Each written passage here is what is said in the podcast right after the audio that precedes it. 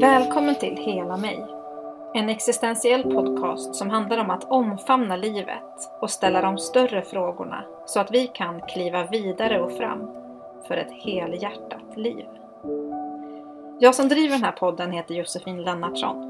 Jag är utbildad teolog och vidareutbildad inom existentiell hälsa och vägledning. Vi börjar närma oss slutet på den här säsongen och jag vill därför försöka knyta ihop säcken lite. Till min hjälp har jag tagit in en gäst också i det här avsnittet.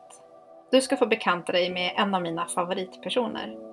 Vi träffades för lite drygt två år sedan och har sedan dess ägnat en stor del av vår tid med att samtala om vår existens, om självbild, om skapande, vad som gör livet värt att leva och om att leva nära naturen, för att nämna några av de ämnen som förekommer. Axel Pettersson är legitimerad psykolog. Han är inte uppvuxen i en kristen miljö, men har alltid haft ett starkt existentiellt förhållningssätt till livet. Och så är han också min man.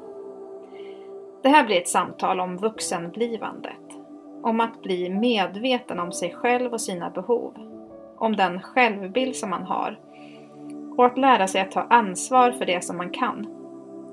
Eftersom att det faktiskt är det enda riktiga sättet som vi kan skapa en positiv förändring i den här världen. Självbilden är en otroligt grundläggande del i vårt agerande i den här världen, men som jag tror att vi ofta tar för given. Vi är sällan särskilt medvetna om hur den ser ut och hur den påverkar precis allt som vi är med om och hur vi engagerar oss. Det här avsnittet så får du också tre steg till hur du kan arbeta med din självbild så att den kan stärka dig på din vandring i ditt liv.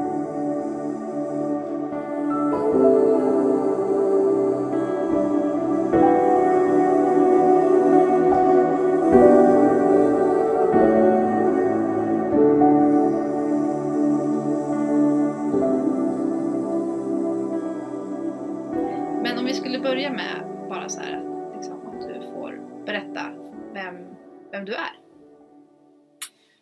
Ja, och då kan ju liksom den här Vem är du få ett innehåll av Alltså om, hur ska jag säga Jag förmedlar eh, hur jag uppfattar frågan och vad jag gör med den tror jag säger mer än om jag beskriver någonting. Alltså för jag menar, klassiska är ju annars man sitter där på presentationsrundan Mhm. och så, så, ja, men så kanske man sitter sist i gänget. Eh, och så tänker åh hoppas, eller så här, nu måste jag komma på något smart att säga som är lite småroligt också. Ja, hej och. Men sen, jag menar, vad har det för innehåll? Ja, det blir ju utifrån typ etiketter. Att så här, jag röstar på ett visst parti eller har en viss ålder eller att jag är mamma eller inte eller, eller något sånt där. Mm. Som egentligen faktiskt inte har något innehåll. Så under en ganska lång tid så brukade jag alltid presentera mig utifrån vilka egenskaper jag har. Att jag kan vara envis, jag kan vara mm, ja, men impulsiv uh, och eftertänksam på en gång. Men så nu tänker jag mer så här, vem är jag? Um, jag är många på en gång. Ehm, jag är alla och ingen på något sätt. Så det är lite uh, det är lite beroende på.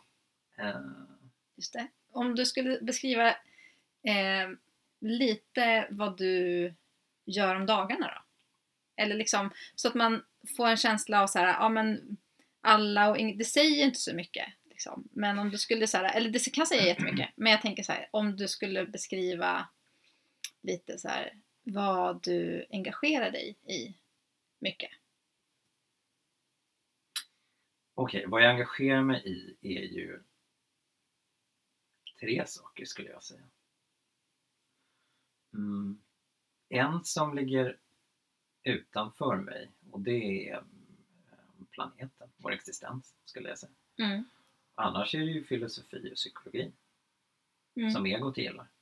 Uh, alltså som ja, att lära mig mer om hur, hur jag fungerar, hur andra fungerar. Um, dynamik mellan um, individer eller organisationer. Mm. Det kan ju även vara på liksom makronivå eller om man tänker liksom rent kollektivt. Nationalstater eller olika grupper. Mm. Det kan ju vara typ av religiösa grupper eller vad som helst. Precis. Så det intresserar Mm. mycket. Mhm. Ehm, ja, filosofi blir det ju en, en del. Mhm. Ehm, Mm. Det, är väl, det är väl det stora. Sen finns det ju rent hedonistiska aktiviteter också. Ehm, men de tror jag inte vi behöver ta här. Det behöver vi inte göra. De är inte hemliga, men de får inte plats i det här avsnittet tror Nej, för då, blir, då får vi fel fokus. jag. det, är inga, det är inte så farliga saker faktiskt. Nej, men jag menar, säg att jag gillade hästhoppning. Jag Ja. om jag då sitter och pratar hästhoppning i en och en halv timme, det är ju ganska ointressant. Exakt. Och vi ska inte gå in då på e-sport, som ju är din... Ja, det är ju, det är ju en grej. Ja. Men sen kan jag ju sitta och lyssna på musik också och, och prata om hur kul det är. Mm. Eller shuffle. Just det. Ja, nej, men vi hoppar det. ja, och sen så bara för så här tråkiga saker som jag vet att du inte bryr dig om. Men du är ju också, du har ju en utbildning. Och eh, eh, liksom är ju en legitimerad psykolog. Ja, just det. Så att du, du, har ju, du har ju faktiskt skapat en mottagning här på gården och tagit emot en hel del samtal här på ön. Eh, och även digitalt. Ja. Men just nu så, så håller du på och eh, avveckla det. Ja, just det. Precis. Mm, det, det, det är korrekt. Ja. Eh, jo, nej men alltså utbildningen det är, ju det, det är ju det formatet vi har i samhället. Exakt. Att för att göra det jag vill så... Och, och jag kommer ihåg liksom när jag tänkte på det här, det var ju säkert 15 år sedan. Nej, må- nej det var ju mer än det förstås. Jag glömmer alltid hur gammal jag är. Mm. Ehm, vi säger 20 år sedan, då, kanske 25 till och med. Men, typ, jag säga att jag vill skriva den där boken. Kommer folk lyssna lika mycket på det om jag inte har någon utbildning? Och jag tror nog nu för tiden att ja, men det hade man nog gjort. Men eh, då gjorde jag inte det. Då tänkte jag i alla fall att det blir mer legitimt med en titel. Mm. Eh, För vi tillskriver det på något sätt. Den är så och så. Och det är tråkigt. Mm. Jag kan själv känna att, att, att det blir väldigt konstigt. För jag menar, använder jag min psykologutbildning i mitt arbete? Egentligen inte. Jo, det gör du. Du har ju jättemycket kunskap som du har fått av och du går ju ofta tillbaka till böckerna och tittar. Så att, Jo, jo, men Alltså- det, är ju, det är ju inte, det var ju utanför utbildningen. Alltså, vad ska jag säga, vi lärde oss ju något sorts tillämpat. Så här, det här behöver man för tentan. mm. Vi diskuterade aldrig eh, så här, hur blir jag eh, den bästa psykologen för en, för en person. Mm. Alltså det var ju aldrig riktigt intressant. Utan det intressanta var hur kurserna var uppbyggda. Mm. Eh, vi frågade aldrig frågor om, jag måste säga att jag möter en person med väldigt mycket motstånd. Eh, eh, hur gör jag då utifrån den person jag är? Hur möter jag den? Det gick vi aldrig igenom. Det är ganska märkligt ändå. Det gick ju vi igenom en del i kursen i existentiell vägledning. Jo, men det jag menar är att, att man, man kanske tittar upp allmänt. Ja, Ja. så här ser motstånd ut. Ja. Eh, och så här agerar man. Men utifrån att jag är ja, den här skepnaden Axel. Mm. Hur behöver jag göra för Mm. att det ska funka för mig? Just det. För att det ska klaffa? Men det jag handlar... kanske inte kan använda det allmänt. Nej, precis. Och då handlar det egentligen om en integrering av ämnet och där fanns det inte utrymme för. Nej, man fick inte vara individ. Nej. Mm. Och också att eh, det finns ju tusen och åter tusen terapiformer egentligen. Ja, Nej, precis. nu tar jag. Så många finns det inte. Men eh,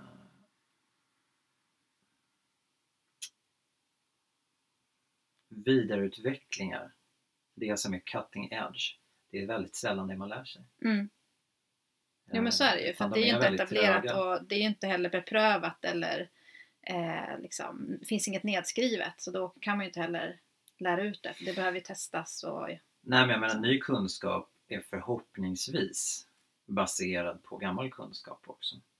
Eh, Men en vidareutveckling. exakt. Och det är ju så jag, jag tänker på de terapiformerna som jag använder. Mm. Med schematerapi och ja, IFS använder jag inte, men alltså internal family systems. Men, men det är väldigt, en väldigt användbar modell om inte annat. Ja men exakt. Och jag tänker ju att eh, vi kommer komma in och prata om sådana liksom olika Alltså vi- att det, det kommer finnas tillfälle för det. Inte i det här samtalet, men vi har redan berört flera av de sakerna som vi har pratat om. Att vi ska, prata, att vi ska försöka ha, hålla det här samtalet kring. Eh, och bland annat Ja, Du är ju boss. Ja, Alltså. jag ska försöka vara boss i det här samtalet. Ehm, och då, då inledde du lite grann när du pratade om det här med utbildningen. Liksom. Att det, är så att, om det var det här som förväntades, att man, ska, man, man behöver gå en viss man behöver följa en viss bana eller få en viss titel för att bli lyssnad till. Och det där kan jag relatera ganska mycket till och även i de sammanhang som jag är uppvuxen i. Att liksom, inte nog med att man kanske ska ha en viss utbildning någonting, men det är väldigt mycket också så här kopplat till vilka personer man känner, vilka sammanhang man associeras till. Ehm, alltså att det är väldigt mycket kopplat till att man ska, man ska nå vissa liksom, rutor som man kan checka av för att på något sätt vara en, en röst att, att lyssna till. Man är inte bara en, en röst i sig själv som är värd att lyssnas på utan det är en massa yttre faktorer som avgör om min röst är värd att bli lyssnad till eller inte. Och det där kommer jag ihåg att, jag, att en av mina största drömmar, eller så här som jag längtade efter när jag var tonåring, det var att bli äldre. Så att jag kunde bli en som man faktiskt lyssnade på. Och det där har inte jag tänkt så mycket på hur sorgligt det faktiskt var. Att jag inte kände att jag kunde bli lyssnad till. Liksom. Och det har jag egentligen inte gjort någonsin. Eh, inte ens sen jag faktiskt blev äldre. Liksom. Utan då, den där gränsen till att vara äldre blev alltid framskjuten. Eh, tills att jag nu tänker att jag, den enda som jag fakt, den enda som faktiskt måste lyssna på mig själv är jag själv. Och utifrån det så får de som vill lyssna, lyssna. Och jag kanske inte riktigt bryr mig om att kryssa i några rutor längre på det sättet som jag har varit upptagen med att göra och liksom trott att jag behövt. Och liksom jag har varit i den, i den liksom karusellen eller vad man ska kalla det. Jo men sen kan man ju fråga sig också och det är, kan vi faktiskt lyssna på en annan person fullt ut? Den är, det är en väldigt intressant filosofisk fråga. Mm. Alltså, eller ja, man skulle väl kunna kalla det kanske mer psykologisk än filosofisk. Men just, men som i terapirummet så är ju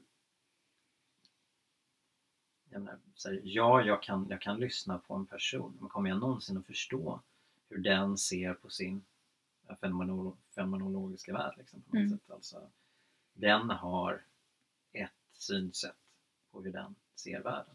Kommer jag någonsin kunna förstå det och verkligen lyssna på det? I någon mån ja. Men det är Mm. för att du är tränad till det då också. För att du har, du har ju utbildat dig till att bli medveten om de här mekanismerna. Och både i dig själv och hos andra. Som gör att du kanske lättare kan fokuserat lyssna och försöka se hur jag, vilka fler frågor du behöver ställa för att Jo, men det jag menar är att, att, att lyssnandet är en illusion. Alltså Ja. att eh, det vi vill få av en annan person kan vi egentligen aldrig få. Alltså om jag vill att någon annan ska vi säga, lyssnar på mig, kommer de verkligen förstå det jag säger? mm, Jag menar, det, det kan vi märka väldigt ofta tänker jag när det blir konflikter exempelvis. Att det handlar egentligen om semantik eller Mm. att vi, att vi ska prata om helt olika saker. Eh, och att det känns så fånigt på något sätt när vi kommer fram till det. Att, Oj, det här var ju helt olika saker som vi faktiskt pratar om. ja, Um, och jag menar, få liksom den här förståelsen av hur en person agerar. Alltså, om vi säger någon som ser sig själv som eh, ska vi säga, ja, inte värd att älska skulle kunna vara en utgångspunkt. Men vi skulle kunna ta ja, men mer konkreta, så som att ja, men jag är äcklig eller någonting. Liksom. mm, Men vad betyder det egentligen? Hur ser de sig själva? Och det där tror jag är jätteviktigt att, att lyfta fram för om man tänker, ja, vad tycker en person? Ja, men den kanske tycker att den är lite, lite äcklig så. Nej, om du föreställer liksom så här, det värsta gyttjan av liksom avföring och avskräde på olika sätt som finns. det är så de ser sig. Mm. Alltså, det, det har ett sånt annat känslomässigt innehåll. Precis. Men, men, men just det, att, att liksom kunna möta någon annan. Jag, jag tror alltså, Mm. Jag är helt övertygad om att vi inte kan. Nej men exakt, och det är ju ett av de stora problemen generellt och som jag också tänker, och vi har varit inne på det i lite olika avsnitt, ehm, att det är det som gör att det blir svårt att förstå en annan person, men det är också det som gör det oerhört komplicerat att till exempel läsa som då i kyrkan, i och med att jag har behandlat det ganska mycket eh, den här säsongen, så här, att läsa en bibeltext och, och förstå den. För att det är ju alltid präglat av min förståelse av vad de här orden betyder. Mm. Och när du säger någonting så hör jag dig utifrån min förståelse av vad orden betyder för mig men också det lilla jag har lärt känna av vad de orden kan betyda för dig. Och så blir det någon form av tolkning som görs. Där jag, där jag tolkar det du säger. Ja, och det förvanskas ju. Det här vet vi utifrån viskningsleken också när vi, när vi var små. Ja, Att ju fler du har i ringen, ju mer förvanskat blir budskapet. precis. Ja, och jag menar, det kan vara så enkelt som att någon, någon uttalar någonting som vi tar för givet. Mm, Som att så här, jag vill inte hata, jag vill älska. mm, Ja, och vad betyder det där? Jag vill älska. ja, Det har enormt många olika eh, tolkningar. Mm. Eller enormt. Varje person har en egen tolkning. exakt Så vad det, vad det innebär. Ja, så att, så att, att prata om det eh, blir fruktlöst om vi inte definierar vad just jag menar. Ja, Och om man tar som, som du nämnde då med bibeltexter, ja, det är ju samma sak där. Mm. Att det kommer betyda någonting för varje person som läser boken. Vi är vår egen författare varenda gång vi läser en bok. exakt. Och samtidigt så är det ju det som är ett problem eh, i ett sammanhang där man aldrig riktigt har fått chansen att kanske fullt ut lära känna sig själv och lära känna sina eg- alltså de nyanser som jag har och vad det innebär för mig. Ehm, för att det gör ju att man på många sätt blir blind för sin egen tolkning. Ja, och, och, och här skulle jag säga, här, dy, här dyker det ju upp det här, alltså jag brukar ju prata om, om eh, core belief, alltså vilken självbild man har. Mm, Och har man en självbild att min synvinkel är inte så värdefull mm, utan det är bättre att jag antar någon annans exempelvis. mm, Ja, då missar man någonting som är väldigt, väldigt viktigt för din egen skepnad. Ja. Ehm, och jag brukar, det finns ett bra exempel med Abraham Maslow liksom, som um, pratar med sina studenter och frågade vem av er kommer att skriva nästa stora bok? Vem av er kommer göra det där otroliga framsteget? Vem av er kommer vinna Nobelpriset? mm, Och alla skruvar på sig och liksom blir obekväma. mm, Han säger, men om inte ni, vem då? mm, För det är ju någon av er. Så, att, så att det är just det, alltså att vi har den här självbilden av att det som vi faktiskt hur ska vi säga, har inom oss, det har ett värde. Och så min tolkning bör ha företräde för mig i alla fall. Ja. För mina känslor. Alltså, hur vill jag tolka det här för att det ska sörja mig på bästa sätt? mm, Sen kan ju den vara, ska vi säga, felaktig för den baseras då på vårt eget filter.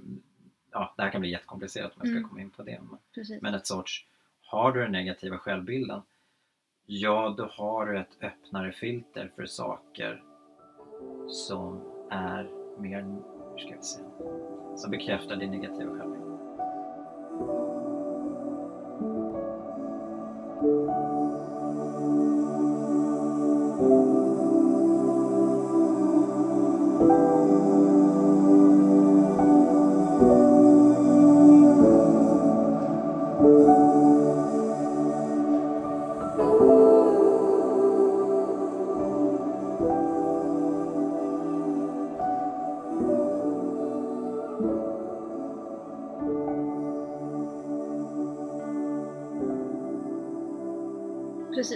Men det blir ju en, en självuppfyllande profetia på något sätt. Ja.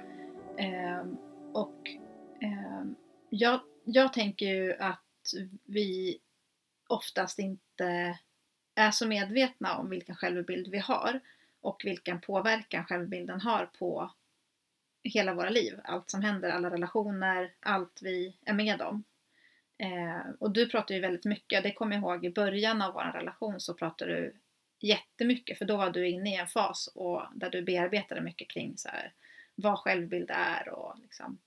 Eh, och ja, och just hur så, här, hur så mycket av det vi ser av liksom, debatter och olika situationer som händer eh, och reaktioner som vi ser utifrån olika ämnen eller situationer är baserade på att man har en negativ självbild i grunden. Och att det gör att man, alltså att har vi en negativ självbild och inte är medvetna om den heller, eh, så gör ju det att vi kan tolka alla möjliga situationer på ett sätt som, som kanske till och med gör konflikten ännu värre. För att vi har inte en förmåga att gå den andra personen till mötes. Mm. För att det personen gör är att den jag tolkar det personen gör på ett sätt som förstärker den negativa självbilden som gör att jag mår dåligt. Vilket gör att jag blir arg på den här personen. För att den har sagt någonting eller gjort någonting som har förstärkt min negativa självbild. Men det är ju egentligen jag som har den negativa självbilden från början som, eh, som tolkar och förstår det en annan person säger. Sen kan, det ju alltid, sen kan det ju vara så att en person säger någonting som är genuint dåligt också.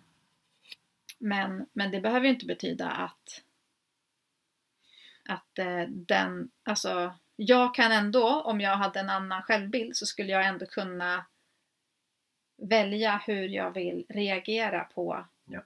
eh, det som sägs. Ja, och, och det här är ju liksom stoicismens grej. Mm. finns ju, Epiktetus tar ju upp det. Det finns ju en bok som heter Enchiridion liksom. Mm. upp de här sakerna. Mm. Och han kan ju ta exemplet med, det är väl framförallt några stycken sådana som har fastnat men, men den här är ju en som att jag vill säga att jag går på gatan och så, så är det några personer som ska vi säga, skulle sätta mig i en, i, en, i en vagn och åka därifrån med mig. Vad hade jag tyckt om det? Nej men det hade ju inte varit särskilt trevligt. Det hade varit ganska besvärligt.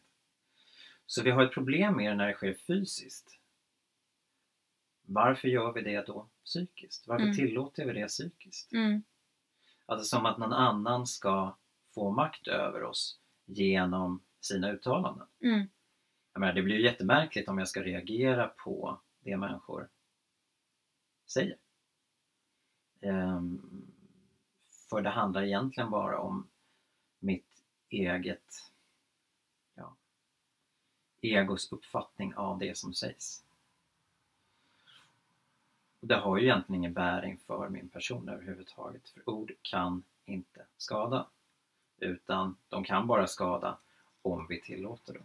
Ja, och samtidigt så tänker jag att det är ju det här som då kan kännas så orättvist. Så här, för att man inte, man har ju kanske inte valt den självbild man har utan den har formats av den miljö man är uppvuxen i, den ja. har formats av människor runt omkring en.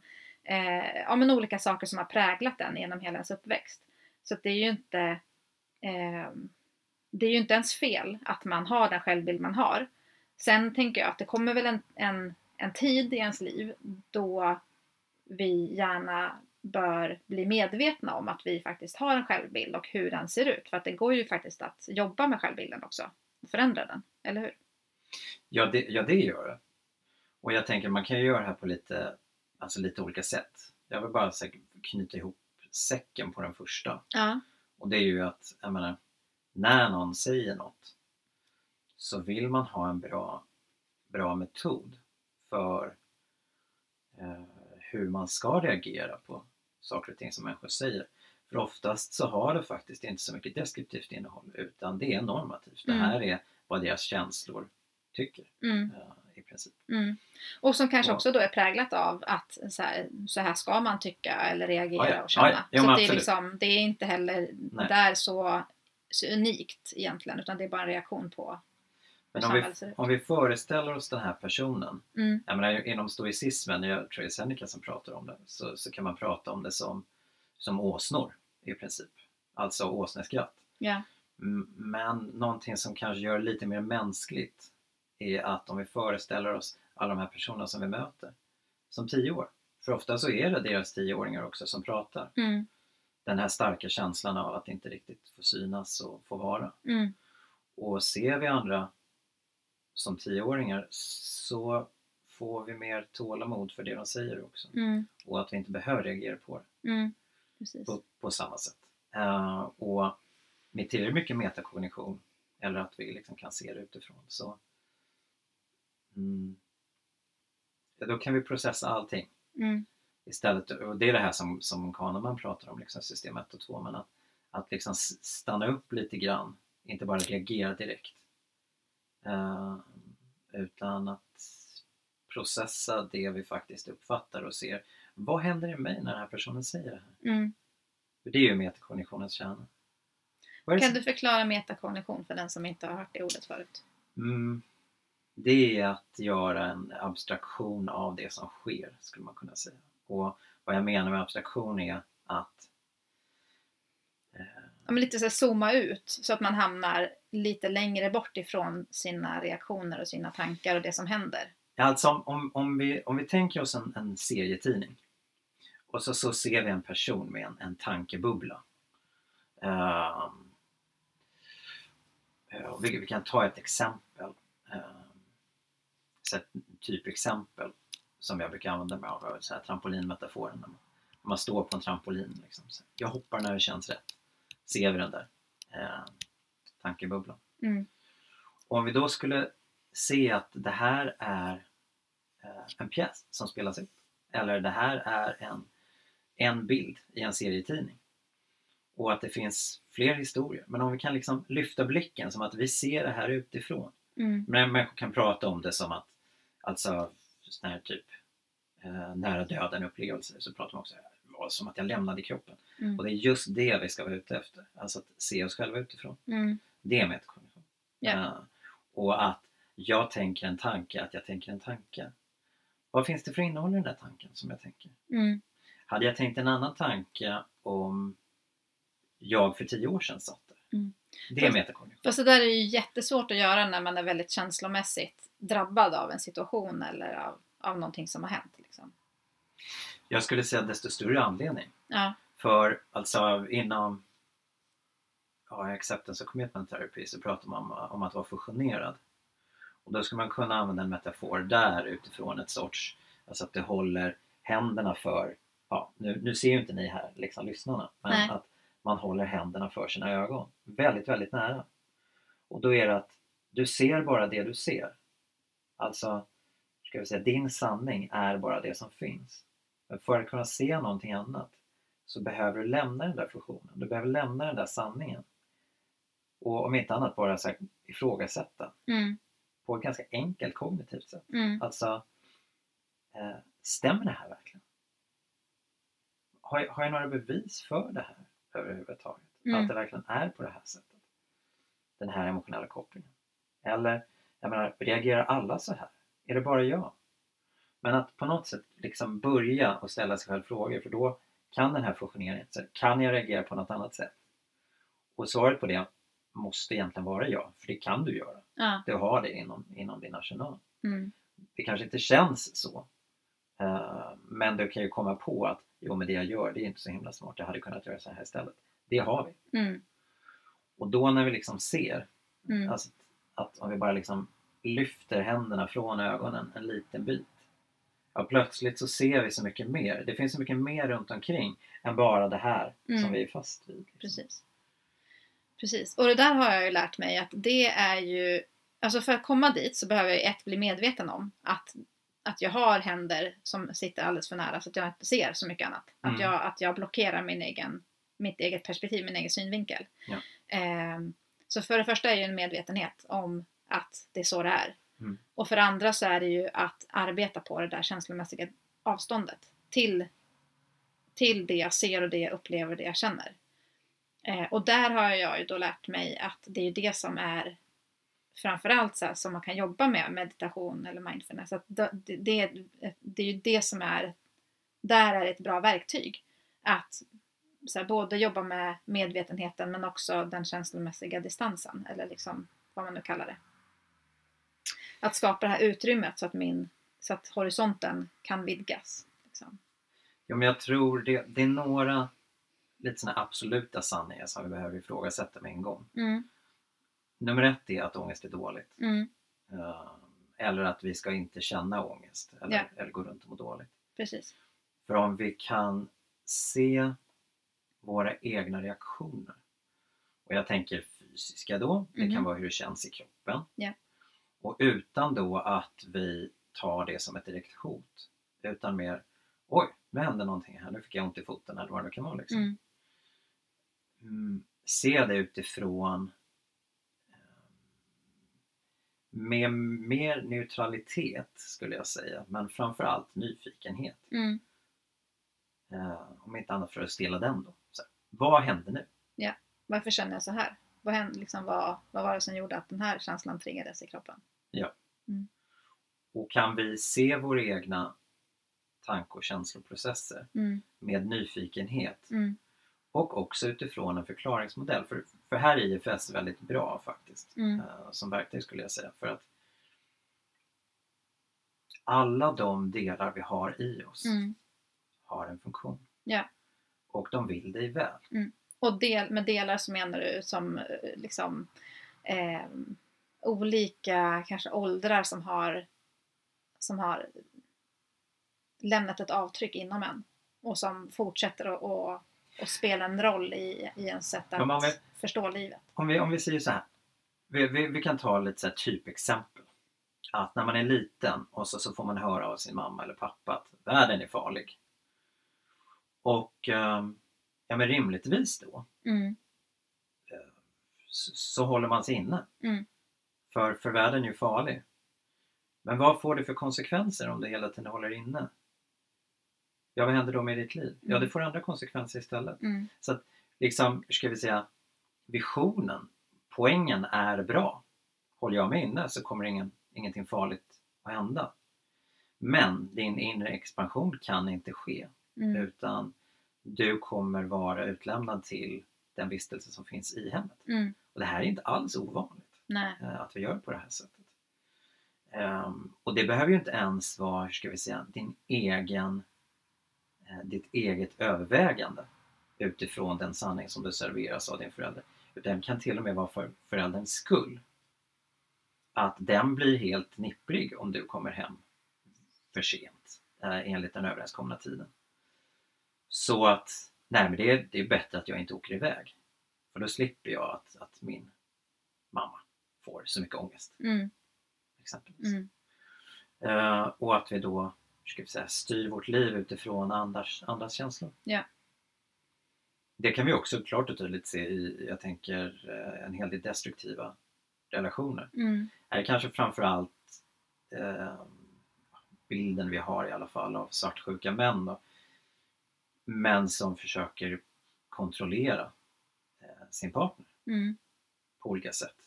Och det är ju deras rädsla för att världen är farlig som leder till den här svartsjukan. Deras osäkerhet. Jag menar, det har ju, ingen, det har ju inget genuint innehåll. Eller rädsla för att bli övergiven eller Ja, ensam. eller ja någonting e- sånt. e- exakt. Mm. Eh, men som då kan påverka relationen på det sättet att Mm. Nej men jag ska sluta umgås med mina vänner för det blir sådana enorma konsekvenser av det. Mm. Så vad blir då, ska vi säga, om vi tänker den rösten, ja men så är den på något sätt rimlig. För det blir, ja, det blir lugn och ro. Mm. Det blir inte, du stressar inte upp den här ångestfyllda partnern. Liksom. Nej men exakt. Och det är inte det att, och då är det det att ja, men jag kan också stilla min ångest för att jag får ångest av att han får ångest eller att hon får ångest. Och, då, och det gör att, att för att jag ska slippa ångest så måste jag agera på ett sätt som gör att den här personen inte får ångest. Ja, alltså beroende på eh, om, om vi tänker oss att du är i en relation där du har en väldigt svartsjuk partner. Du bör egentligen ha en negativ självbild för att stanna. Mm. För att ha en positiv, då skulle ju ditt, ska vi säga, din ångest inte finnas utan i det hade det varit Nej men jag orkar inte med den här personen Mm. som har en massa åsikter om vem jag träffar och inte träffar. Mm. Det här lämnar jag med en gång. Jag har Mm. ett större värde än så. Så att det måste finnas en negativ självbild i det för att vi ska acceptera det faktiskt. Mm. Och då är vår ångest kopplad till det här. Ja. Alltså att åh, jag fick min partner att må dåligt. Nej, men det här måste jag, Mm. så, så får jag inte göra. Mm. Som att det faktiskt har en, ett innehåll, för det har det ju inte. För det är ju Nej. inte du som gör partnern, eh, hur ska vi säga, väcker dens ångest. Nej, eller nej. dess svartsjuka. Nej. Eh, men vi har den känslan i oss. Jo, men och det är ju- det är. Ja men och det är väl det medberoende handlar om. Liksom. Att jag, Ja. jag blir alldeles för känslomässigt kopplad till att mina, mina handlingar påverkar andra negativt och därför Ja. måste jag. Och det där är ju en sån sak som jag är fostrad i, i kyrkan. Mm. Eh, ja, men till exempel att har jag fått höra då som tjej att, att jag måste ta ansvar för eh, hur jag klär mig och hur jag beter mig så att jag inte ska leda någon, någon man eller kille på fall. Liksom. Att det var mitt ansvar att jag skulle klä mig eh, ja, eh, och, och jag har väl aldrig liksom det har kanske aldrig varit ett problem för mig heller men ehm, att ansvaret har ändå lagts på mig i hur jag ska bete mig och hur jag ska klä mig för att någon annan inte ska Mm. eh, komma på fall då som man sa. Liksom, att, att eh, förleda någon annan sexuellt. Liksom. Och då räckte det ju i de sammanhangen så var det ju inte så att det skulle leda till en sexuell handling normalt ens utan att, att den personen ens skulle tänka en sexuell tanke. Och jag menar det, det hur gärna vi än vill så kan vi ju inte styra över hur andra tänker ändå. Liksom. Eh, så att bara den, bara liksom bara att uttrycka sig på det sättet, tänker jag, skapar ju en väldigt osund mekanism där jag tvingas ta ansvar för hur någon annan tänker, vilket jag inte kan, men jag måste ändå vara i det för att vara accepterad och vara en del av det här sammanhanget, så behöver jag ändå på något sätt köpa de reglerna. Liksom. Ehm, och jag kan också när som helst i det där bli straffad utan att jag kanske egentligen har gjort så mycket för att egentligen ha gjort någonting för det. Liksom. Det här skulle ju kunna vara ett, ett uttryck för mm, ska säga, maktutövning i institutionen i princip. Mm. Alltså, mm, jag blir alltid besviken över över mänskliga hierarkier, att, att det, vad ska vi säga, organisationer, grupper, det finns alltid en, nästan alltid i alla fall, en idealistisk start. Vart, hur, vi, hur vi i den här gruppen ska behandla varandra eller vad vi ska ha för ideal. Och vad vi längtar efter att skapa. typ. Ja. ja. Men när det blir en sorts maktutövning i det här, för jag menar vi har ju något sorts kristet ideal att individen inte har så mycket värde Mm. överhuvudtaget. Mm. Eller det, det är ju dubbelt för att där möter jag ju hela tiden också, och det kan vi komma in på, men så att, att det finns någon som säger att nej men det kristna idealet är ju att alla människor är lika mycket värda och att vi är eh, unikt älskade och allt det här. Och det har man ju fått höra, men det som har praktiserats och framförallt kanske många av vi som har vuxit upp har ju också fått ta del av den här andra sidan. Av att vi ska förneka oss själva, att vi ska eh, förinta oss på något sätt. Liksom. Vi, vi som individer får inte existera. Ja, och ja, här skulle vi kunna komma in på människors lika värde, men jag, jag tror jag lämnar den vid sidan så länge. Mhm. Eh, För jag vill liksom anknyta till just själva yttringen av det här, alltså som jag ser som en sorts maktutövning i hur man ska klä sig. Mm. För ska säga, indirekt i det är att du som individ ska inte ha några eh, egna känsloyttringar utan du ska följa de regler vi har. Och drömmen på något sätt som finns i det där är ju i princip alltså hög group cohesion, alltså att hög samstämmighet. Vi ska inte ha en massa som drar åt olika håll. Vi Mm. vill ha en homogen grupp, inte en heterogen grupp. Ja. Så drömmen, antar jag, i ett kristet samhälle skulle vara ett myrsamhälle. Och, och det är klart vi kan göra så och ha ett sådant samhälle, men vill vi verkligen det? Fast, och det är det här jag tror att, jag, jag tror egentligen inte att så många skulle skriva under på att det är som är drömmen. Men, Men det är ju det man gör. ja, och, och det som jag tycker kanske har blivit ännu mer tydligt i hur man vill skapa kyrka tillsammans idag, så förutsätter det ett myrsamhälle. Det förutsätter att det finns ett gäng människor som ger av all sin tid och sitt engagemang för det stora projektet, det stora gemensamma projektet. Där det finns några också på toppen som lite grann bestämmer exakt vad det innebär och hur det ska se ut. Ja, men för om, om vi säger att vi skulle kunna ha det här. Jag skulle på vissa sätt säga att det mänskliga myrsamhället egentligen är värre. Mm. Eh, för om vi föreställer oss en myrstack och så ser vi att vissa av de här myrorna har olika färg. Myrorna hade faktiskt inte brytt sig om det så länge ska vi, säga, vi, vi utför de handlingar som, som vi ska. Mm, men här är det till och med så då i, i våra mänskliga kontexter att vi bryr oss om hur människor ser ut. Mm. Och när vi då pratar om att det skulle vara exempelvis då för att undvika vad det väcker hos någon annan. Det måste också bygga på en negativ självbild hos mottagaren. Mm.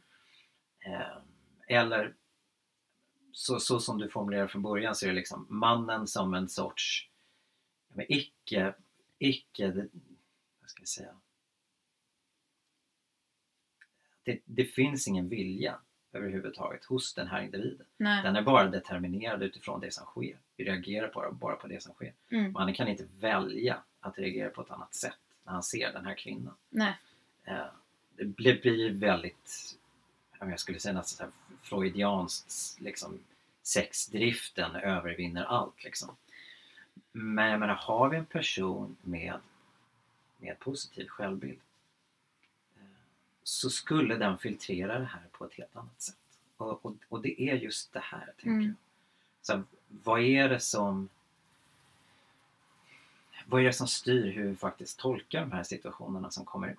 Mm. Eh, för, för jag menar, om vi tittar på eh, om vi tittar på hur, hur diskussioner ser ut kring en sån här företeelse.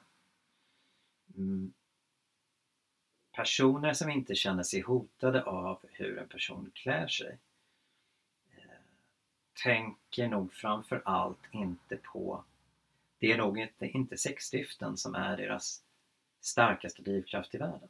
Utan det finns andra saker som är minst lika viktiga, om inte viktigare.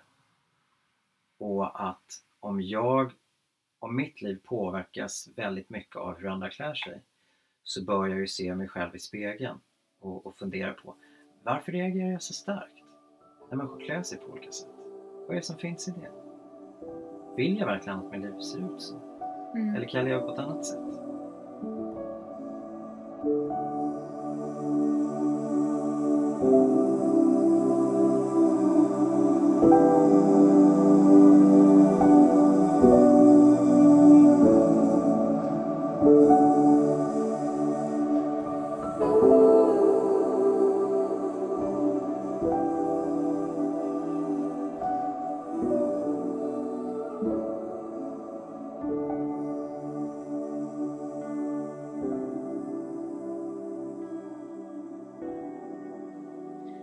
Precis, men, men, men eh, och där skulle jag ju säga att vi varken i kyrkan eller i samhället får lära oss den typen av verktyg. Liksom. Vi, vi, det här är ju ingenting som vi tränar på eller som vi liksom lär oss i skolan att, att se på oss själva på det sättet eller hur vi kan Nej. jobba med oss själva och bli medvetna om hur vi reagerar och varför vi reagerar som vi gör. Mm, tyvärr.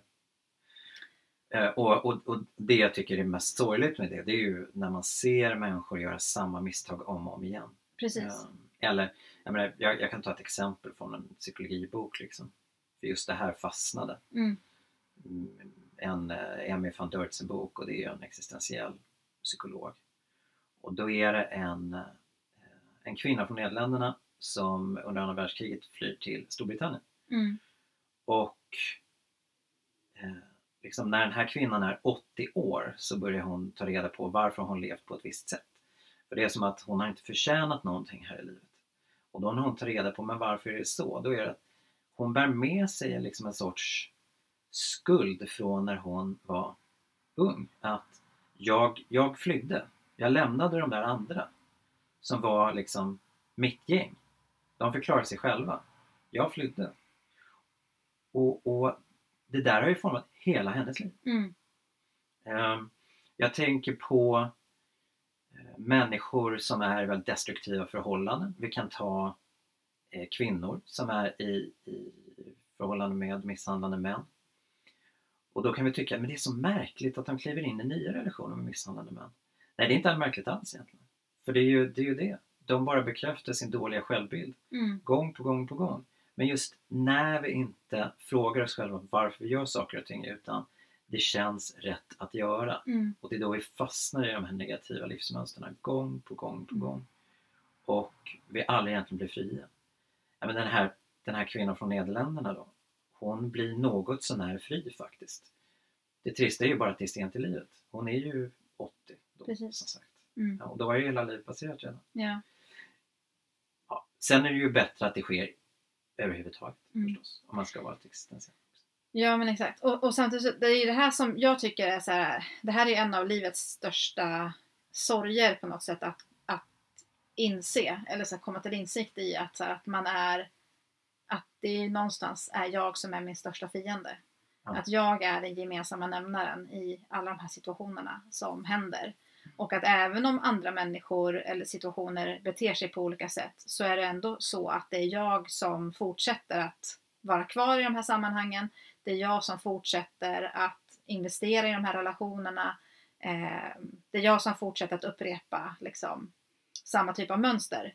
Mm. Eh, och där, där tycker jag ju också så att, alltså att mycket av samhället idag, jag upplever att det blir mer och mer så att vi får en större medvetenhet om hur eh, vad psykisk ohälsa är, hur vi, hur vi mår och hur saker eh, påverkar varandra. Och vi pratar om strukturell rasism och allt möjligt annat. Och mycket av det är ju gott. Men det finns en rörelse i det där som handlar om att då måste vi få andra människor att eh, bete sig annorlunda. Så att vi inte går runt och sårar varandra. Eh, och det är en omöjlighet.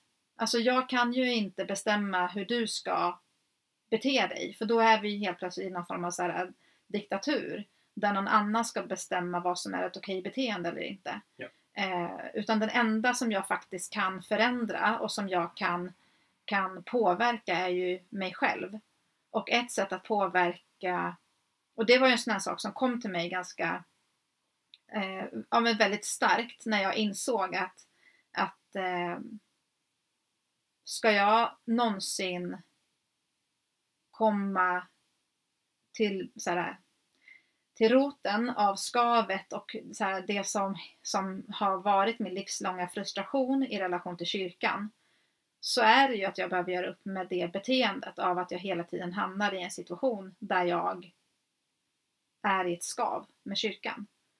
Eh, och där jag till slut såg att, så här, att ja, men det, då är det ju, jag behöver ju göra på ett annat sätt än vad jag har gjort innan. Och innan har jag engagerat mig bara mer för att förändra. Det har varit min strategi. Mm. Att då, föränd- då, då vill jag engagera mig ännu mycket mer och ställa mig ännu mycket mer på barrikaderna eh, för att förändra den här situationen. För att den kan ju inte se ut så här.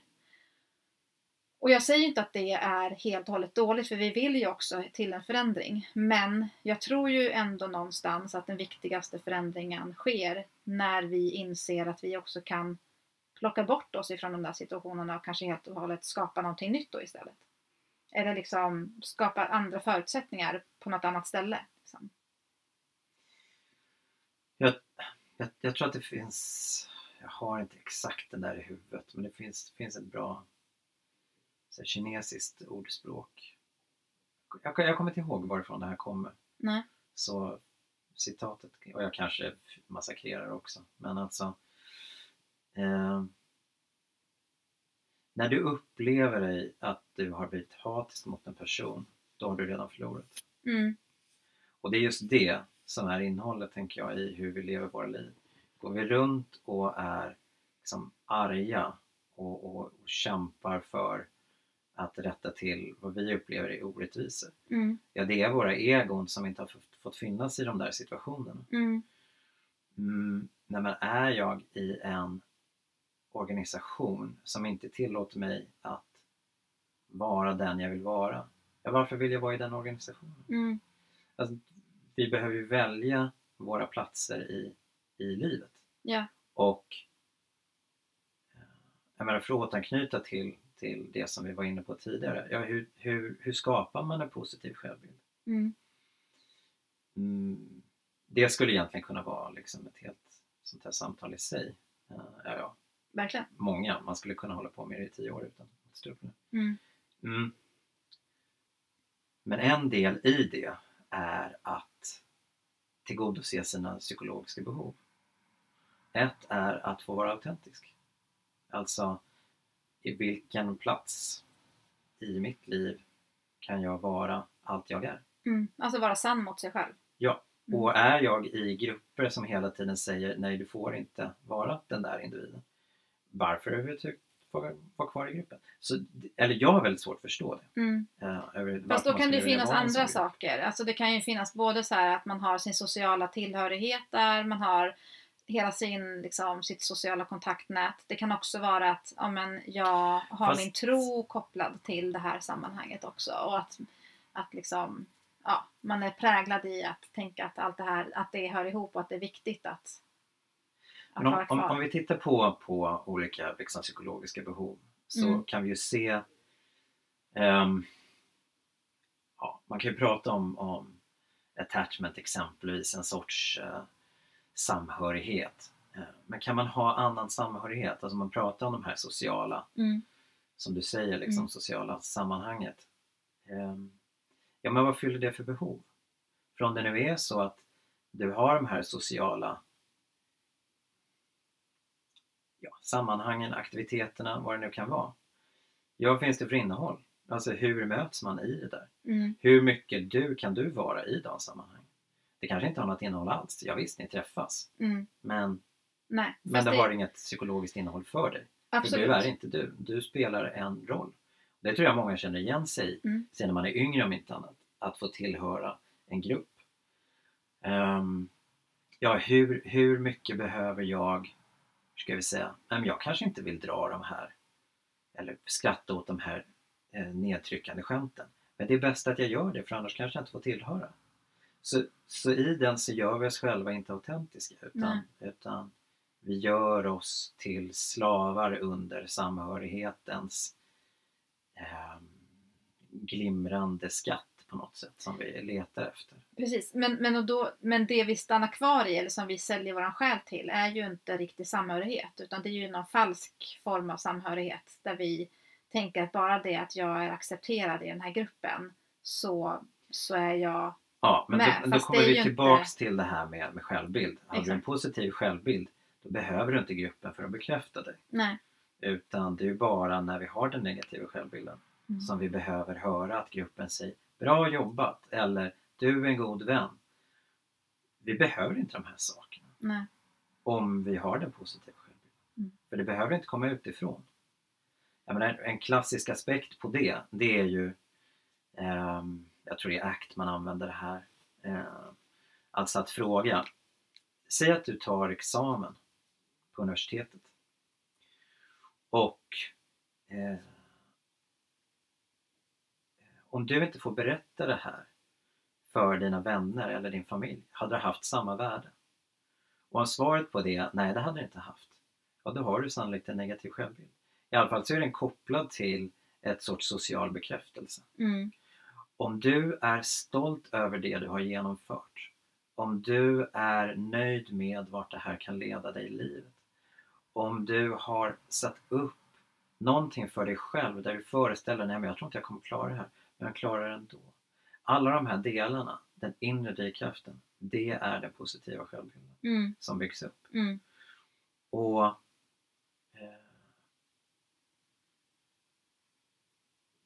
Jag tror att det är viktigt att vi frågar oss själva den här frågan ofta när vi ställs inför sådana här saker också. Ja. Alltså, jag menar, nu är det fest, ska jag gå eller inte gå? Eh, Det finns ett existentiellt begrepp som, som heter inre consent. Vill jag faktiskt gå? Alltså har jag mitt eget med, inre medgivande att gå på det där? Ofta kan det finnas en social aspekt. Jag måste gå för min plats i den sociala hierarkin i princip. Men det här är den negativa självbilden som pratar. Vi vill inte förlora det där, för tänk om jag blir ensam, vad har jag för värde då? Mm. En sån livsregel är en negativ livsregel.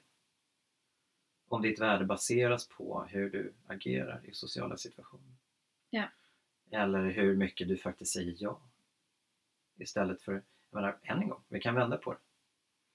Säg att du säger nej och att personer då dömer dig utifrån att du är du. Varför vill du tillhöra den gruppen? Varför vill du vara i en grupp som är så nedlåtande mot vem du är? Att du egentligen inte får existera i den. Då ska du hitta en grupp där du får existera. Mm.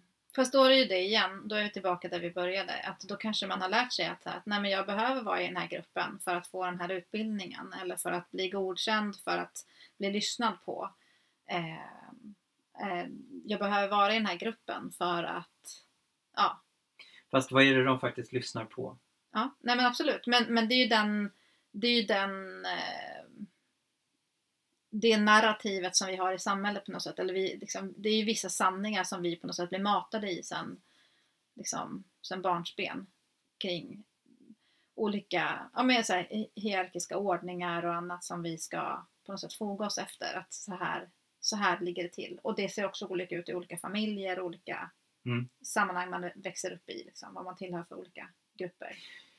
Jo, men det är sanningen som vi behöver ifrågasätta. Mm.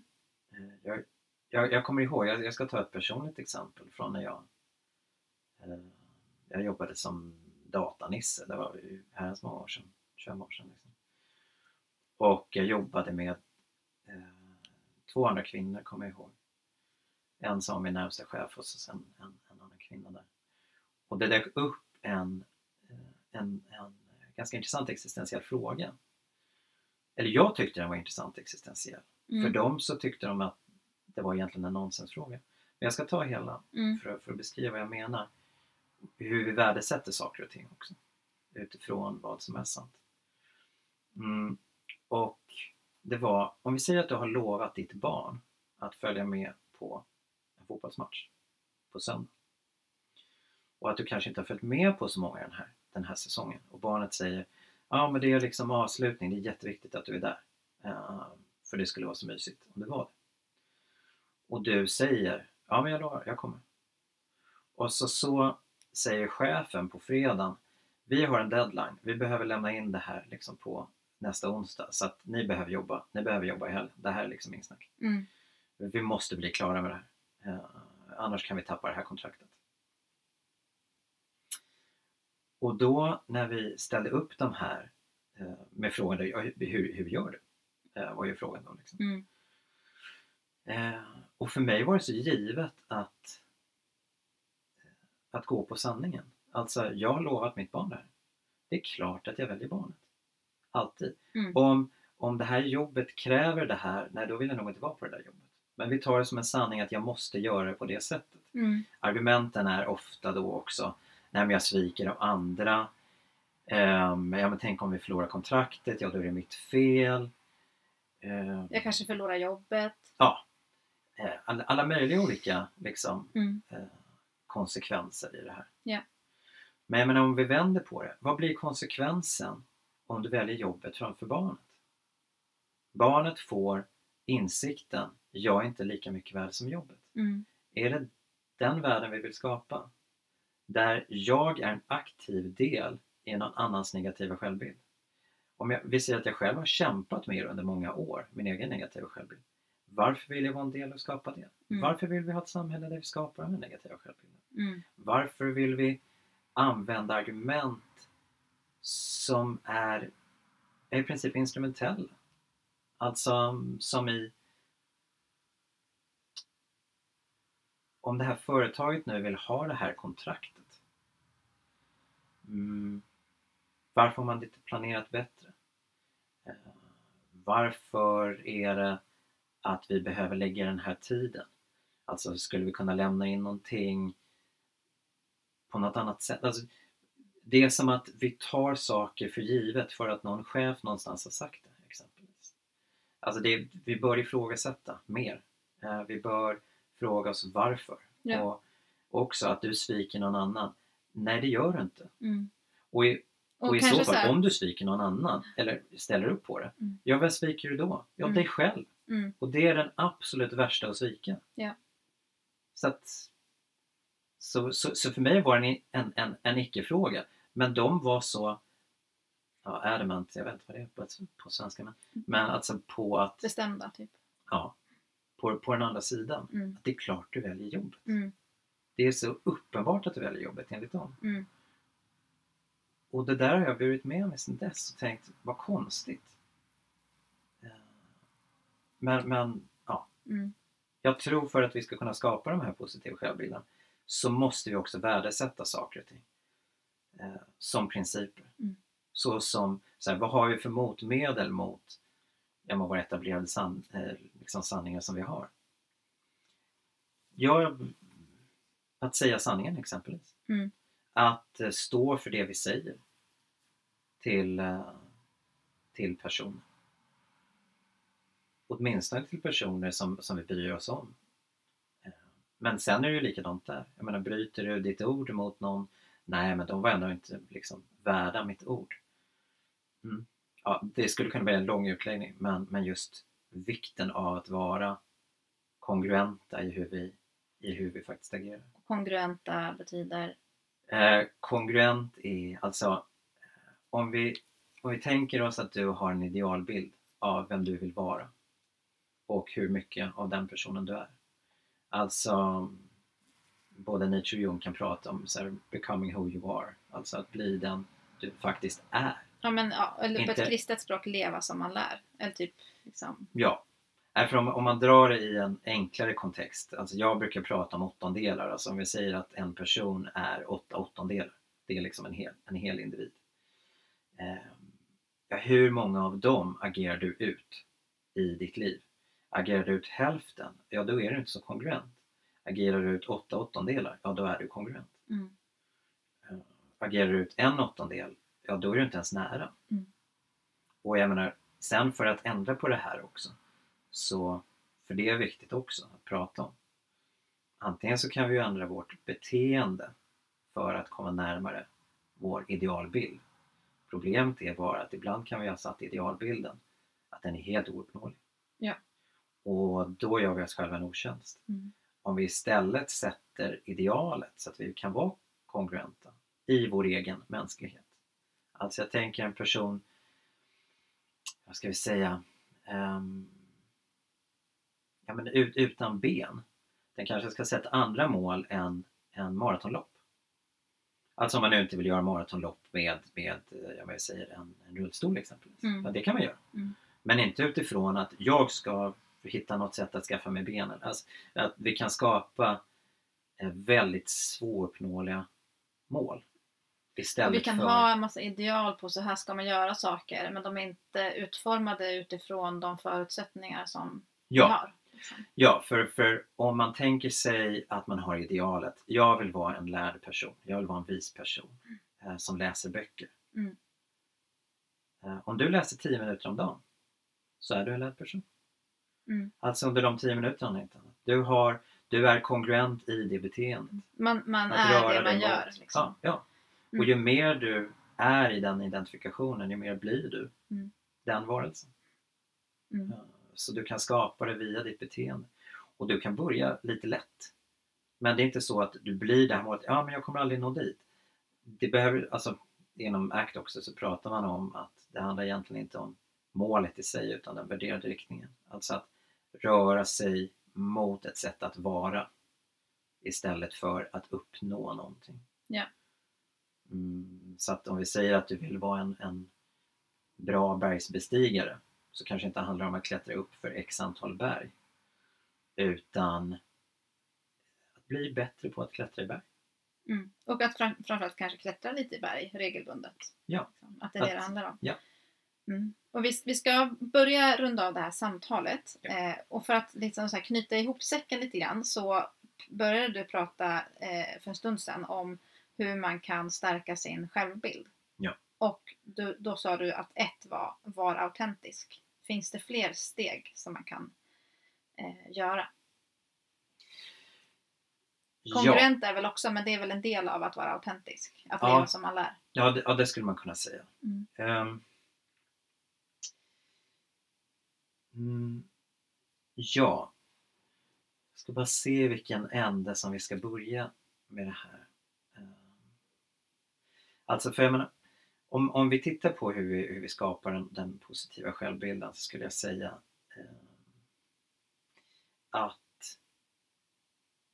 vi frågar oss själva frågan ehm,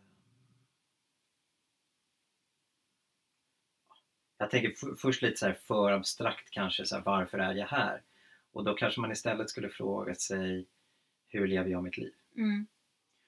Och eh, sen kopplat till det fråga sig hur vill jag leva mitt liv? Och, och i dem mm, så finns det ett mått av metakognition då, skulle man kunna säga. Alltså hur vi faktiskt lyfter blicken i ja, vad är det jag gör och inte gör. Ja. Ehm, jag, ska, jag, jag, ska, jag ska vända på det. Alltså det finns ett sorts sån här, liksom, fake it till you make it. Men, men, men jag ska vända på det, en, en sorts insikt som jag gjorde.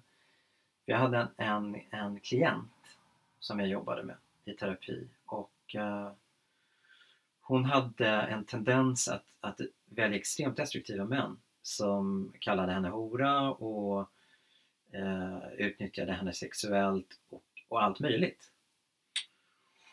Och då funderade jag på Finns det något sammanhang där, där jag i min positiva självbild, för, för jag har en positiv självbild, Mm. skulle kunna kalla någon för hora? Eh, och hur jag än vred och vände på det så kom jag inte på det. Hur jag aktivt skulle kunna kalla någon annan för det. Och sen när jag liksom funderade igenom det där så var det verkligen som att alla de här männen som kallar henne för det, de har garanterat en, en själva en dålig självbild. Mm. Så det är väl just det, alltså att om vi agerar i vad som är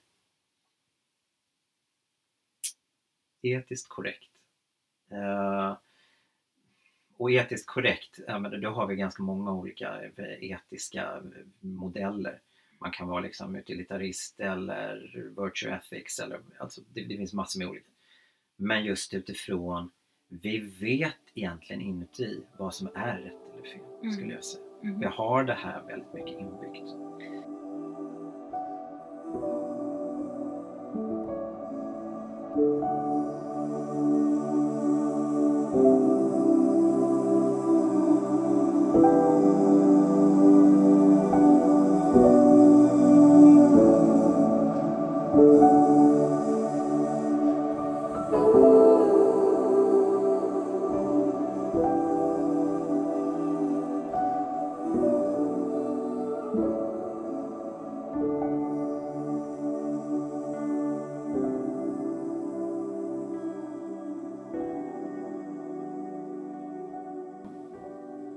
Som sagt, om vi inverterar liksom speglar åt andra hållet.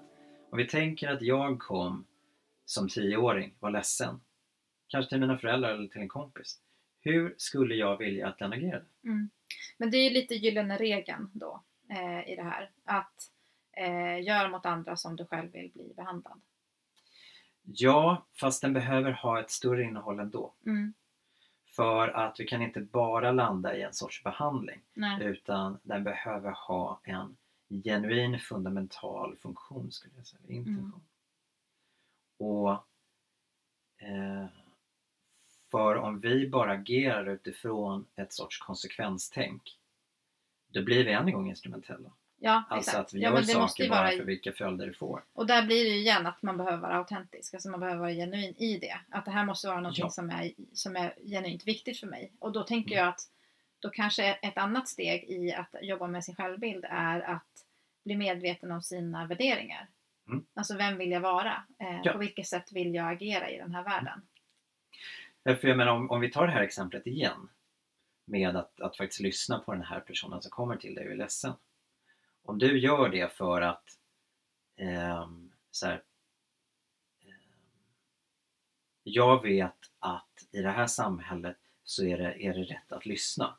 Ja, det blir en yttre regel i princip som styr det. Jag har Mm. ingenting egentligen med dig att göra. Nej, eller att för att jag ska vara godkänd i den här gruppen så behöver jag göra Ja, så så, här. så behöver jag ställa upp. Mm. För att den här personen ska tycka om mig så behöver jag ställa upp. Mm.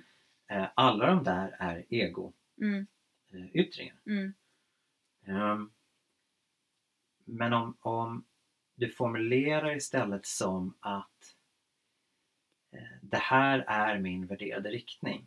Alltså att jag sitter och vill lyssna på den här personen och finnas där. Eh, För det är den identiteten jag vill inneha. mm, Oavsett vilka konsekvenser som jag får. mm, Oavsett konsekvenser som jag får. Och den, det är den som egentligen är mest avgörande i det här. Ja. Att det här är min identitet. Och där i finns då den positiva självbilden. För då är det inte heller att det här är ansträngande. Åh nej, jag hade inte tid med det här. Utan det är, du är den individen. Ja. Så att när den här personen kommer med dig, det är inte det att du tänker, åh nej, nu kommer jag missa På spåret liksom. För att jag lyssnar på den här personen.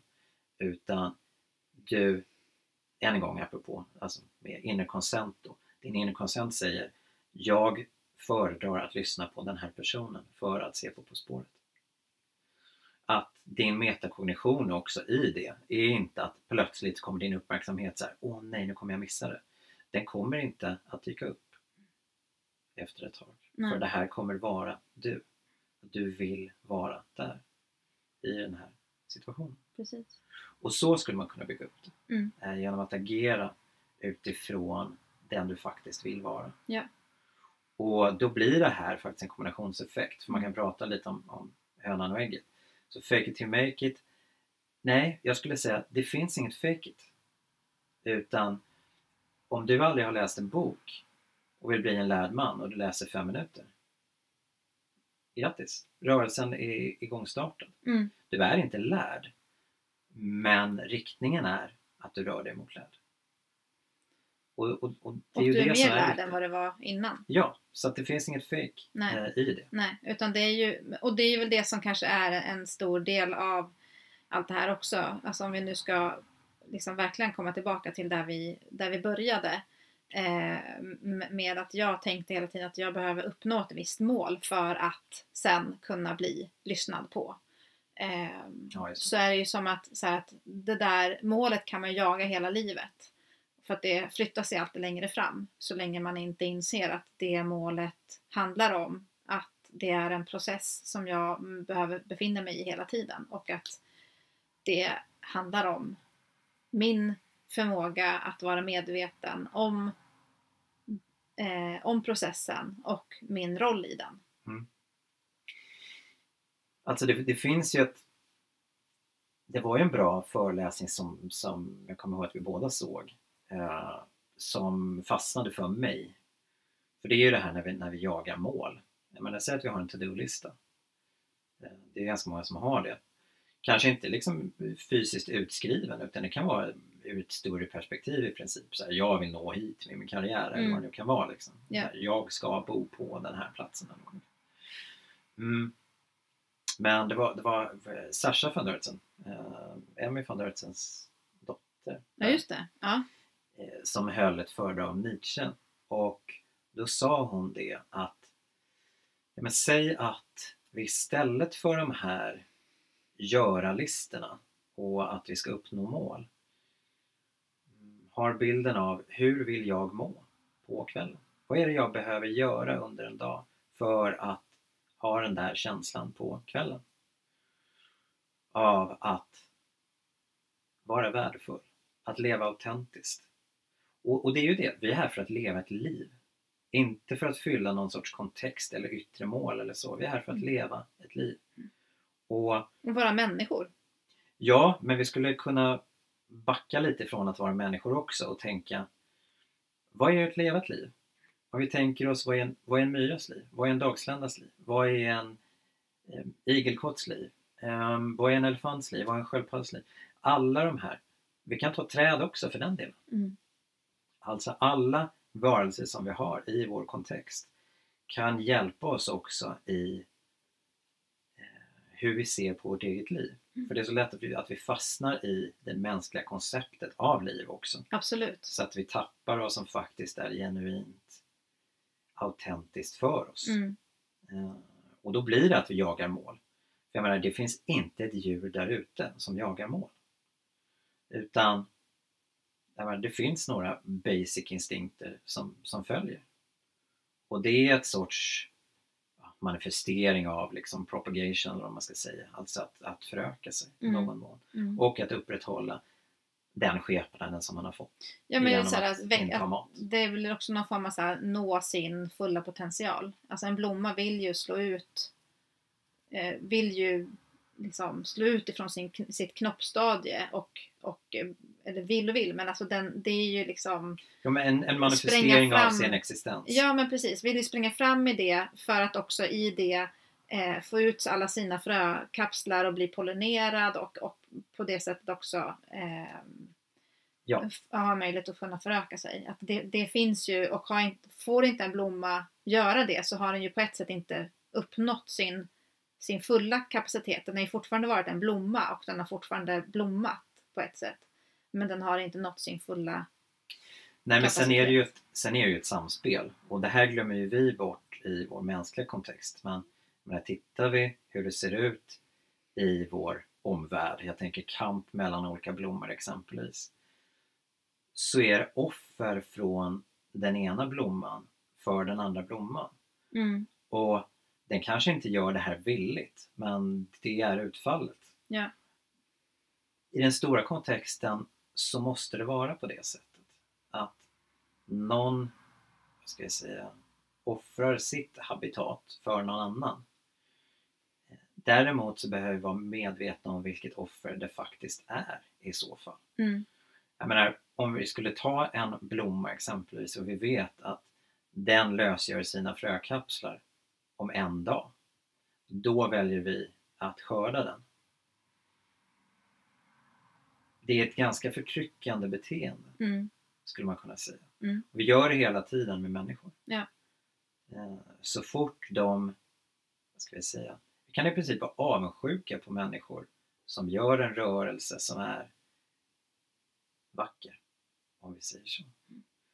Alltså att den vill bara vara sig själv. mm, Vi kan ta kontexten för att knyta ihop det då. Mm. Alltså säg att det är en person som vill klä sig på ett visst sätt mm, i en eh, religiös, religiös kontext. Varför ska den inte få göra det? mm, Det kan vara en liten rörelse mm. för den personen. Litet uttryck för dess egen manifestation av sin Och existens. kanske egentligen en ganska stor. Alltså det kan ju vara ett väldigt skört och sårbart stadie också. Att, att våga visa sig själv på det sättet. Mm. Och i det då bli avklippt. eh, och få reda på att så här, så här kan du inte göra på den här platsen. Det är ju en av de värsta straffarna på något sätt man kan uppleva. Just att man blir väldigt straffad av, av det. Alltså det är ju otrolig smärta att när man i, det smärt, liksom, i den sårbara tillståndet där man visar lite mer av vem man själv är utan alla fasader blir straffad. Eh, det kan ju få vem som helst att backa och sluta visa sig resten av livet. Ja, och, och jag menar, om, vi, om vi tittar på liksom syften med sånt här förtryck av andra också så blir det det att så fort vi accepterar så kan ju faktiskt, ja, på samma sätt som för en individ att man flyttar liksom, målposterna, Mm. så kan det bli, även bli så här. Mm. Om vi har åsikter om hur långt hår en person har exempelvis så kan det sluta med att personer ja, som har hår ska vi inte ha Mm. i princip. Alltså, Mm. det det vi vet inte vart kan ta vägen på något sätt. Nej. Eh, Om man hela tiden slipar argumenten eller, eller som sagt flyttar de här liksom, målposterna. Och det är där om vi bara ska så här, nu kan vi bara gå in och nudda lite på det för vi ska ju avsluta det här samtalet. Men om man då avviker på något sätt redan från start, liksom, på något vis. Man, man, är, man är lite annorlunda än, än den stora massan i den här gruppen. Mm. Så blir ju det på en gång väldigt kännbart och man blir straffad hela tiden. Utan att man kanske ens medvetet gör någonting för att sticka ut. Mm. Utan man bara liksom genom att bara finnas i det där rummet blir straffad för att man, för att man är annorlunda. Liksom. Ja men här finns ju ja, Camus-citatet som vi har tittat på båda två. Men alltså just det här att hur ska jag säga? Att, att bara vara dig själv Mm, är en act of rebellion. mm, Eh, I ganska många kontexter är Ja. ju faktiskt så. Mm. Och vi kan ju se det. Mm. Hur, hur normativt det ser ut i en skolmiljö exempelvis. Att du ska vara på ett visst sätt. Annars så ska vi ge dig piller exempelvis. mm, Jag tänker på vissa sorters barn. Ja. Ehm, Jag tänker med mobbing. Varför väljer vi ut en person? Ja, den kanske har för, för stor näsa eller för gröna skor. Eller, alltså det, det kan Ja. vara precis vad som helst Ja. Som skapar det där. Så vårt avvikande är hotfullt och vi manifesterar det. Men det är våra föräldrar som manifesterar först. Det är så vi lär Mm. oss. mm, Så någon behöver stoppa det här intergenerationella. Liksom. precis. Eh, Men det är upp till någon, någon förälder någonstans att Ja. säga nej, så ska vi inte göra här. Ja. Utan vi älskar heterogenitet. För att det är så vi odlar vår egen positiva självbild. Mm, precis. För det är då vi får vara autentiska i de vi faktiskt är. Och det kanske också i grunden är faktiskt så vi gör den här världen till en bättre plats. Ja, det skulle det ju vara. Mm. Och det är ju egentligen ganska lätt att göra. Det är det som är så löjligt Mm. när man tänker på det. Det handlar om att ta ansvar för sitt eget liv. Först och främst. Nej, men jag menar, alltså, ta, ta det här exemplet med, jag vill säga ett, ett, ett barn som kommer hem och, och, och berättar. Det här brukade jag ha som liksom fråga med adoptivföräldrar. Men liksom barnet kommer hem och berättar, ja men vi säger antingen har tagit droger eller, eller liksom, eh, har haft sex och vi säger att barnet är 13 eller 15 eller något sånt. Och, och ni som lyssnar, liksom, välj själv vilket ni tycker skulle vara värst liksom, för er om barnet berättar. Eh, och, och hur man då instinktivt tänker, åh nej, åh, jag måste fixa, måste greja i det här. Där har vi ett problem. Mm. Alltså, barnet är otroligt modigt som berättar när den kommer hem. Jag har haft sex ikväll exempelvis. Mm. Och om vi då kan möta det här barnet i att Alltså, vad, vad glad jag är som får det förtroendet av dig att du faktiskt berättar för mig. Alltså att du lämnar egot i din ryggsäck så länge. För ditt ego kommer säkert att skrika och ha en massa åsikter om det här. Men än en gång, hur skulle du vilja bli bemött om du hade haft sex som 13-åring Mm. av dina föräldrar? Ehm, hur gör vi för att det här barnet ska känna sig älskat? Jag är inte att skrika gorma på det och säga nu behöver vi fixa och grejer. Nej. Det existerar inte, utan det finns på ett annat sätt. Så, så ja, Mm. gör vi det så kommer den här 13-åringen vakna upp dagen efter och säga Usch, ja alltså det här, det här är en jättestor händelse. Men jag är så glad att jag fick förståelse för det jag, jag gjorde. Alltså att jag kanske tog ett initiativ som jag inte än riktigt vet heller om det var rätt eller fel. Men jag behövde bolla det. Bara för att på något sätt liksom berätta för någon annan vad jag faktiskt har tagit beslut kring.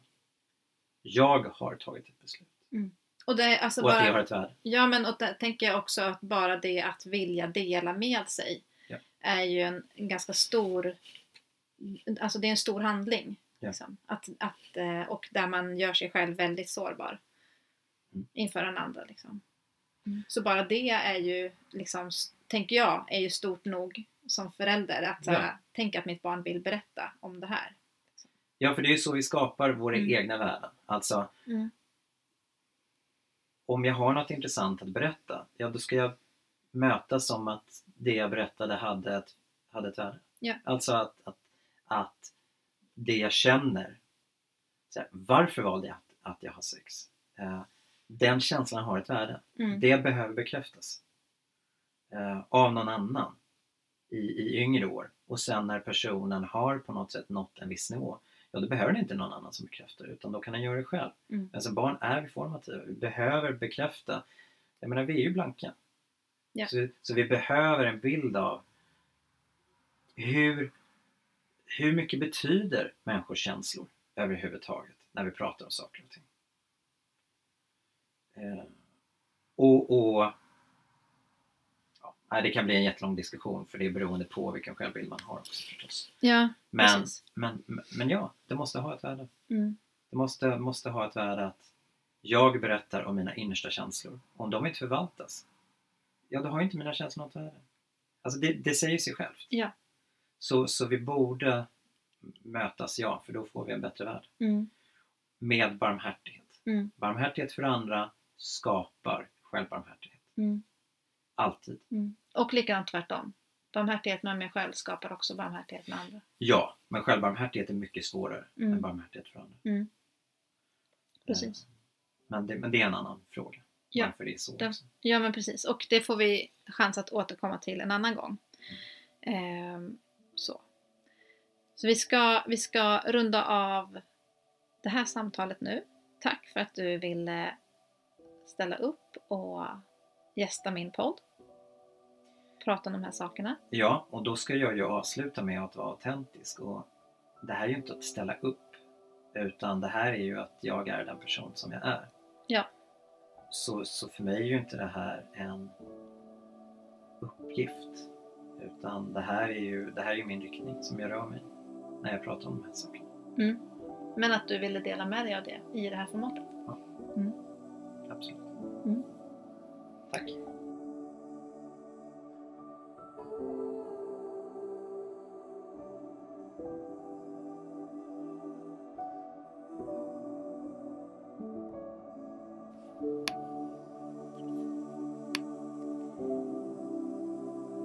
Har lyssnat på Hela mig, en existentiell podcast och ett samtal mellan mig och Axel Pettersson hemma hos oss från våran soffa. Vi har pratat om hur viktigt det är att bli medveten om vilken självbild man har så att man kan ta ansvar för den och de reaktioner som skapas utifrån den. Om du gillar det du hör så får du gärna stötta mitt arbete genom att prenumerera på podden, betygsätta den i din poddapp eller följa podden på sociala medier. Det gör att den blir mer synlig och lättare att hitta också för andra. Och du får också gärna höra av dig med tankar, reflektioner eller reaktioner på det som du har hört i podden. För vi växer ju när vi kan mötas som människor och dela med oss av det som betyder något. Tack för att just du har lyssnat.